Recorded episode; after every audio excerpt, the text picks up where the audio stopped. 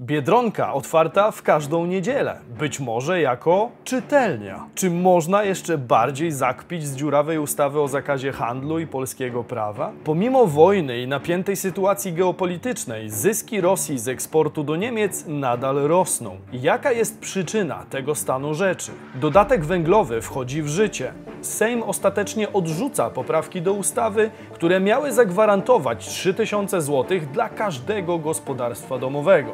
Czesi jako pierwsi w regionie oficjalnie kończą cykl podwyżek stóp procentowych. Czy następna zrobi to Polska? Dokąd zmierzał pieniądz w tym tygodniu? Sprawdźmy to. Bizweek. Cotygodniowy przegląd świata biznesu i finansów. Cześć, tutaj Damian Olszewski i witam Was serdecznie w programie Praktycznie o pieniądzach i informacyjnej serii Bizweek, gdzie co tydzień przyglądamy się najważniejszym wydarzeniom, które wpływają na zasób naszych portfeli. Warto subskrybować kanał, aby być na bieżąco, a my Zaczynajmy. Czesi kończą podwyżki stóp procentowych. Czy kolej na Polskę? Czechów można śmiało określić jako liderów podwyżek stóp procentowych w naszym regionie, ponieważ rozpoczęli cykl podwyżek jako jedni z pierwszych. Czeski Bank Centralny zaczął ten proces już w czerwcu ubiegłego roku, znacznie wcześniej niż miało to miejsce nad Wisłą. Od tamtej pory podnieśli koszt pieniądza 9 razy z rzędu, łącznie o 675 punktów bazowych, windując główną stopę procentową z poziomu 0,25% do 7%, najwyższego poziomu od 1999 roku. W czwartek jednak pozostawili stopy procentowe bez zmian, co było zgodne z oczekiwaniami rynku. Decyzja zapadła stosunkiem głosów 5 do 2.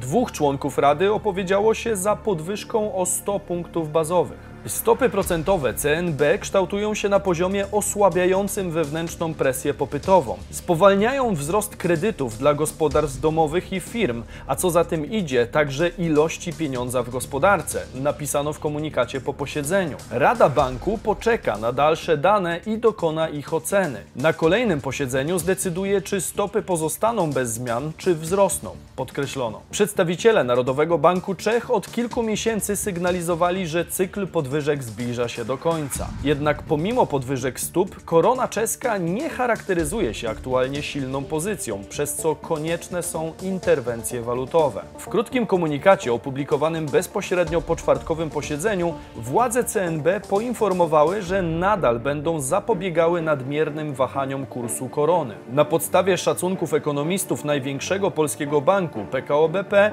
CNB wydał już około 18 miliardów euro na interwencje interwencje walutowe w celu powstrzymania osłabienia krajowej waluty w okresie niespełna dwóch miesięcy. Na taki ruch Czesi mogą sobie jednak pozwolić. Ich rezerwy walutowe w relacji do rozmiaru gospodarki są największe w naszym regionie, komentują analitycy. O jednej z przyczyn odpływu kapitału z Europy i osłabieniu pozycji wielu walut, zwłaszcza tych w naszym regionie, wspominałem Wam w tym odcinku. Warto zajrzeć, jeżeli go jeszcze nie widzieliście. Czy w Polsce będziemy mieli do czynienia czynienia z analogiczną sytuacją? Według ekspertów na najbliższym decyzyjnym posiedzeniu RPP stopy procentowe zostaną podniesione o 25 punktów bazowych, bądź pozostawione bez zmian, co również powinno zwiastować koniec podwyżek stóp procentowych. Zresztą taką zapowiedź usłyszeliśmy również z ust prezesa NBP na Molo w Sopocie, gdzie w nieformalnej rozmowie niejako obiecał pani maksymalnie 25 punktów bazowych podwyżki. Czyli nie będzie większej. 15,6. Jeśli będzie to 1,025. Dobrze, mam nadzieję. Trzymam za słowo. No to proszę trzymać. Nie pytajcie mnie, co myślę o takich spontanicznych wystąpieniach głowy banku centralnego. W każdym razie koniec podwyżek stóp procentowych będzie z pewnością dobrą informacją dla kredytobiorców, którzy w końcu będą mogli odetchnąć z ulgą. Stopy procentowe NBP są już dość wysokie, dlatego pożyczanie pieniędzy stało się drogie. Natomiast jest też lepsza strona tego medalu, a mianowicie rosnące oprocentowania lokat i rachunków. Poprawia się zatem sytuacja oszczędzających. Postanowiłem więc sprawdzić, jakiego zwrotu z rachunku oszczędnościowego możemy obecnie spodziewać się w bankach. W sieci znajdziemy sporo kalkulatorów, gdzie możemy konkretnie wyliczyć, o ile nominalnie wzrośnie nam ilość pieniędzy na koncie przy danej kwocie oszczędności i w danym czasie. Ja akurat wybrałem ten, ale możecie wybrać dowolny inny kalkulator odsetek czy ranking kont. Wpisujemy sobie na przykład, że mamy 20 tysięcy złotych i sprawdzamy, jak obecnie kształtują się oferty banków. Jak widzimy, najwyższe stałe oprocentowanie na rachunku może zaproponować PKO SA. Mówimy o 7% do kwoty 100 tysięcy złotych na okres 6 miesięcy. PKO SA jest partnerem dzisiejszego odcinka, natomiast ich oferta na tle konkurencji naprawdę wygląda dobrze. Co możemy sprawdzić sami wpisując w kalkulację różne konfiguracje kwotowe i okresowe. Oprócz rachunku na 7%, dodatkowo możemy otrzymać premię 200 zł za otwarcie konta i spełnienie kilku prostych warunków. Każdy z Was doskonale wie, że inflacja jest na poziomie wyższym niż te 7%. Natomiast dla pieniędzy, które i tak leżą w banku, warto zadbać o to, aby traciły jak najmniej. Co możecie zrobić otwierając konto w PKO SA, jednocześnie wspierając rozwój naszego kanału. Link znajdziecie w opisie i w przypiętym komentarzu. Dodatek węglowy wchodzi w życie.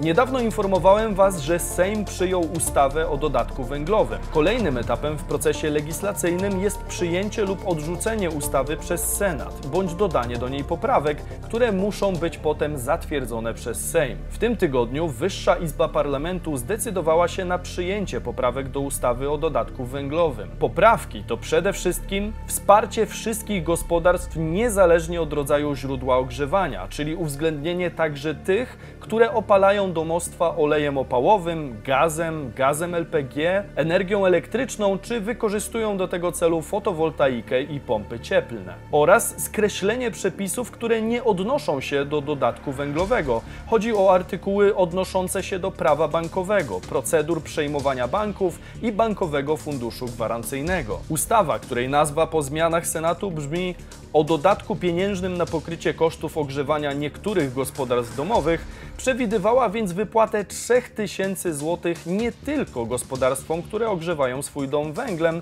ale także wszystkim innym. To zwiększyłoby koszty całego przedsięwzięcia do blisko 50 miliardów złotych, wpompowanych ponownie w rynek. Jak sprawa potoczyła się dalej? Na szczęście sejmowe komisje nie poparły poprawek Senatu, których konsekwencją byłoby rozszerzenie prawa do dodatku węglowego na wszystkie gospodarstwa domowe. Ponadto sejmowe komisje nie zarekomendowały wykreślenia z ustawy przepisów odnoszących się do prawa bankowego, procedur przejmowania banków i bankowego funduszu gwarancyjnego. Ostatecznie w piątek Sejm nie zgodził się na wykreślenie dość głośnych zapisów dotyczących sektora bankowego. Ustawa w tej chwili przewiduje, że dodatek węglowy miałby przysługiwać gospodarstwom domowym, dla których głównym źródłem ogrzewania jest kocioł na paliwo stałe, kominek, koza, ogrzewacz powietrza, trzon kuchenny, pieco-kuchnia, kuchnia węglowa lub piec kaflowy na paliwo stałe, zasilane węglem kamiennym, brykietem lub peletem, zawierającymi co najmniej 85% węgla kamiennego. Czy ta ustawa jest konieczna? Z pewnością pomoże określonej grupie społecznej, która znalazła się w opłakanej sytuacji. Pytanie jednak, czy tych samych miliardów złotych, które znowu rozdamy, nie należałoby przeznaczyć lepiej na dodatkowy import, czyli walkę z przyczyną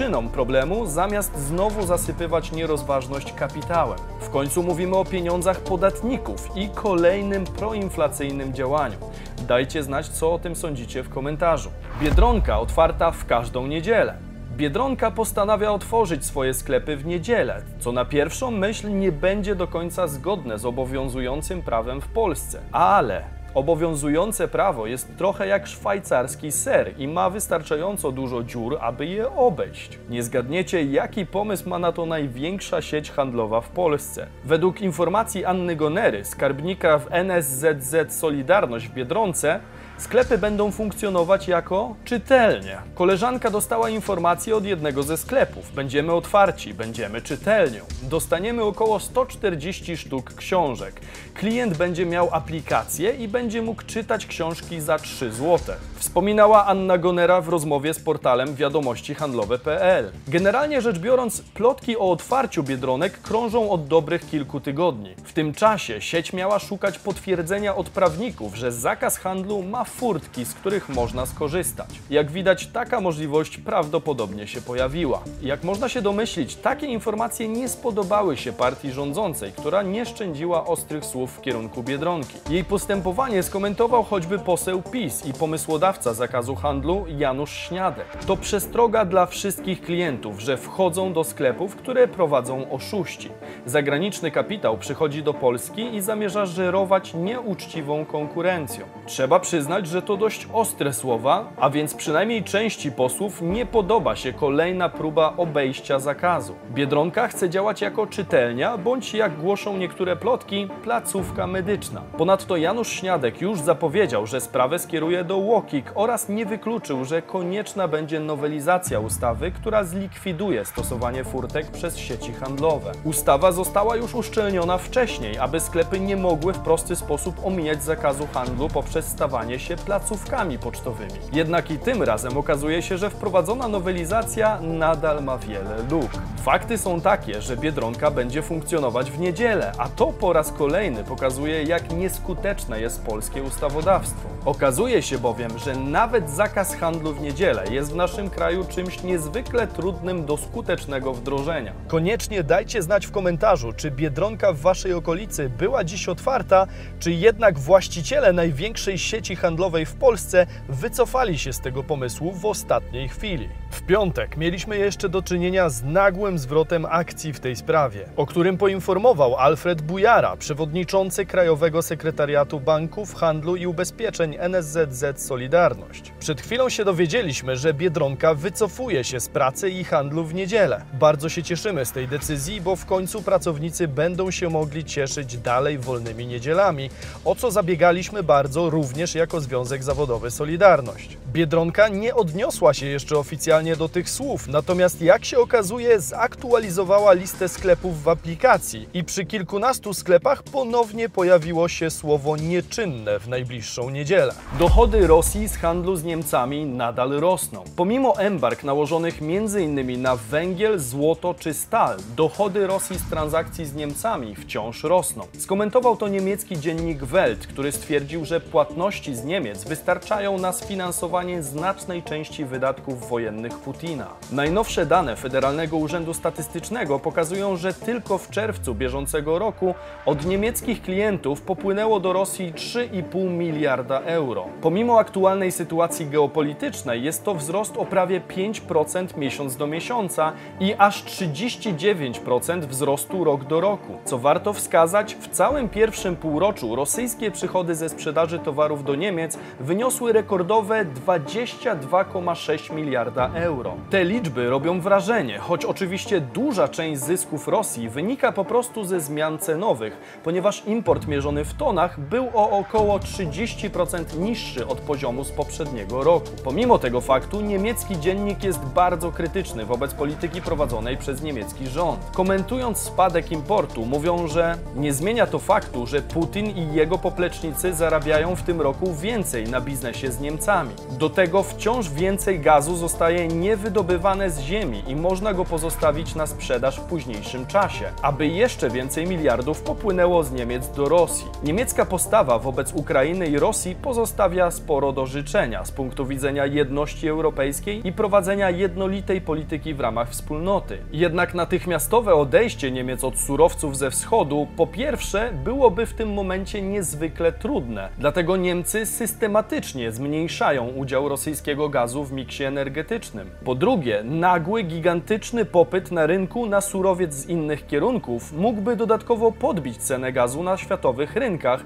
co także mogłoby częściowo trafić w nas rykoszetem i paradoksalnie znowu zwiększyć dochody Rosjan. Obecna sytuacja naszych zachodnich sąsiadów jest zasługą wielu lat zacieśniania więzów gospodarczych pomiędzy Rosją a Niemcami. Nie da się tego odkręcić zaledwie w kilka miesięcy. Szczególnie wyróżnić jednak należałoby postać Gerharda Schrödera, socjaldemokratycznego kanclerza RFN w latach 1998-2005, czyli jeszcze przed erą Angeli Merkel. Schröder w ostatnich tygodniach swojego urzędowania podpisał z Rosją umowę o budowie gazociągu północnego po dnie Morza Bałtyckiego, omijającego Polskę, Ukrainę i kraje bałtyckie. Kontrowersje dodał fakt, że po opuszczeniu niemieckiej polityki objął stanowisko w Radzie Nadzorczej kontrolowanego przez Rosjan konsorcjum Nord Stream, budującego gazociąg. Aktualnie, pomimo wybuchu wojny, nadal nie zrezygnował ze swoich wysokich stanowisk w rosyjskich spółkach energetycznych. Schroeder jest de facto kolegą z partii obecnego kanclerza Olafa Scholza. Jak widać, niemieccy socjaldemokraci uważają, że bliska współpraca z Rosją jest w ich interesie, w szczególności gdy tanie surowce z Rosji dają możliwość Niemcom na posiadanie wysokiej marżowości swojej gospodarki, o czym często wspomina również dr Jacek Bartosiak ze Strategy and Future. Czy współpraca niemiecko-rosyjska będzie nadal kontynuowana? Prócz samej zażyłości niemiecko-rosyjskiej, warte zauważenia jest również postępowanie samego Putina. Warto chyba zrobić cały odcinek o strategii geopolitycznej Putina i o tym, jakie realne efekty zdążył już osiągnąć w walce z Zachodem. Dajcie znać w komentarzu, czy chcielibyście go zobaczyć. Mówił Damian Olszewski, a to był Bizweek, wasz cotygodniowy przegląd najważniejszych informacji ze świata biznesu i finansów. Warto subskrybować kanał, aby wiedzieć, dokąd zmierza pieniądz. Jeśli doceniacie naszą pracę, to zostawcie hashtag Bizweek w komentarzu, a my widzimy się w sobotę i niedzielę o 15. Cześć!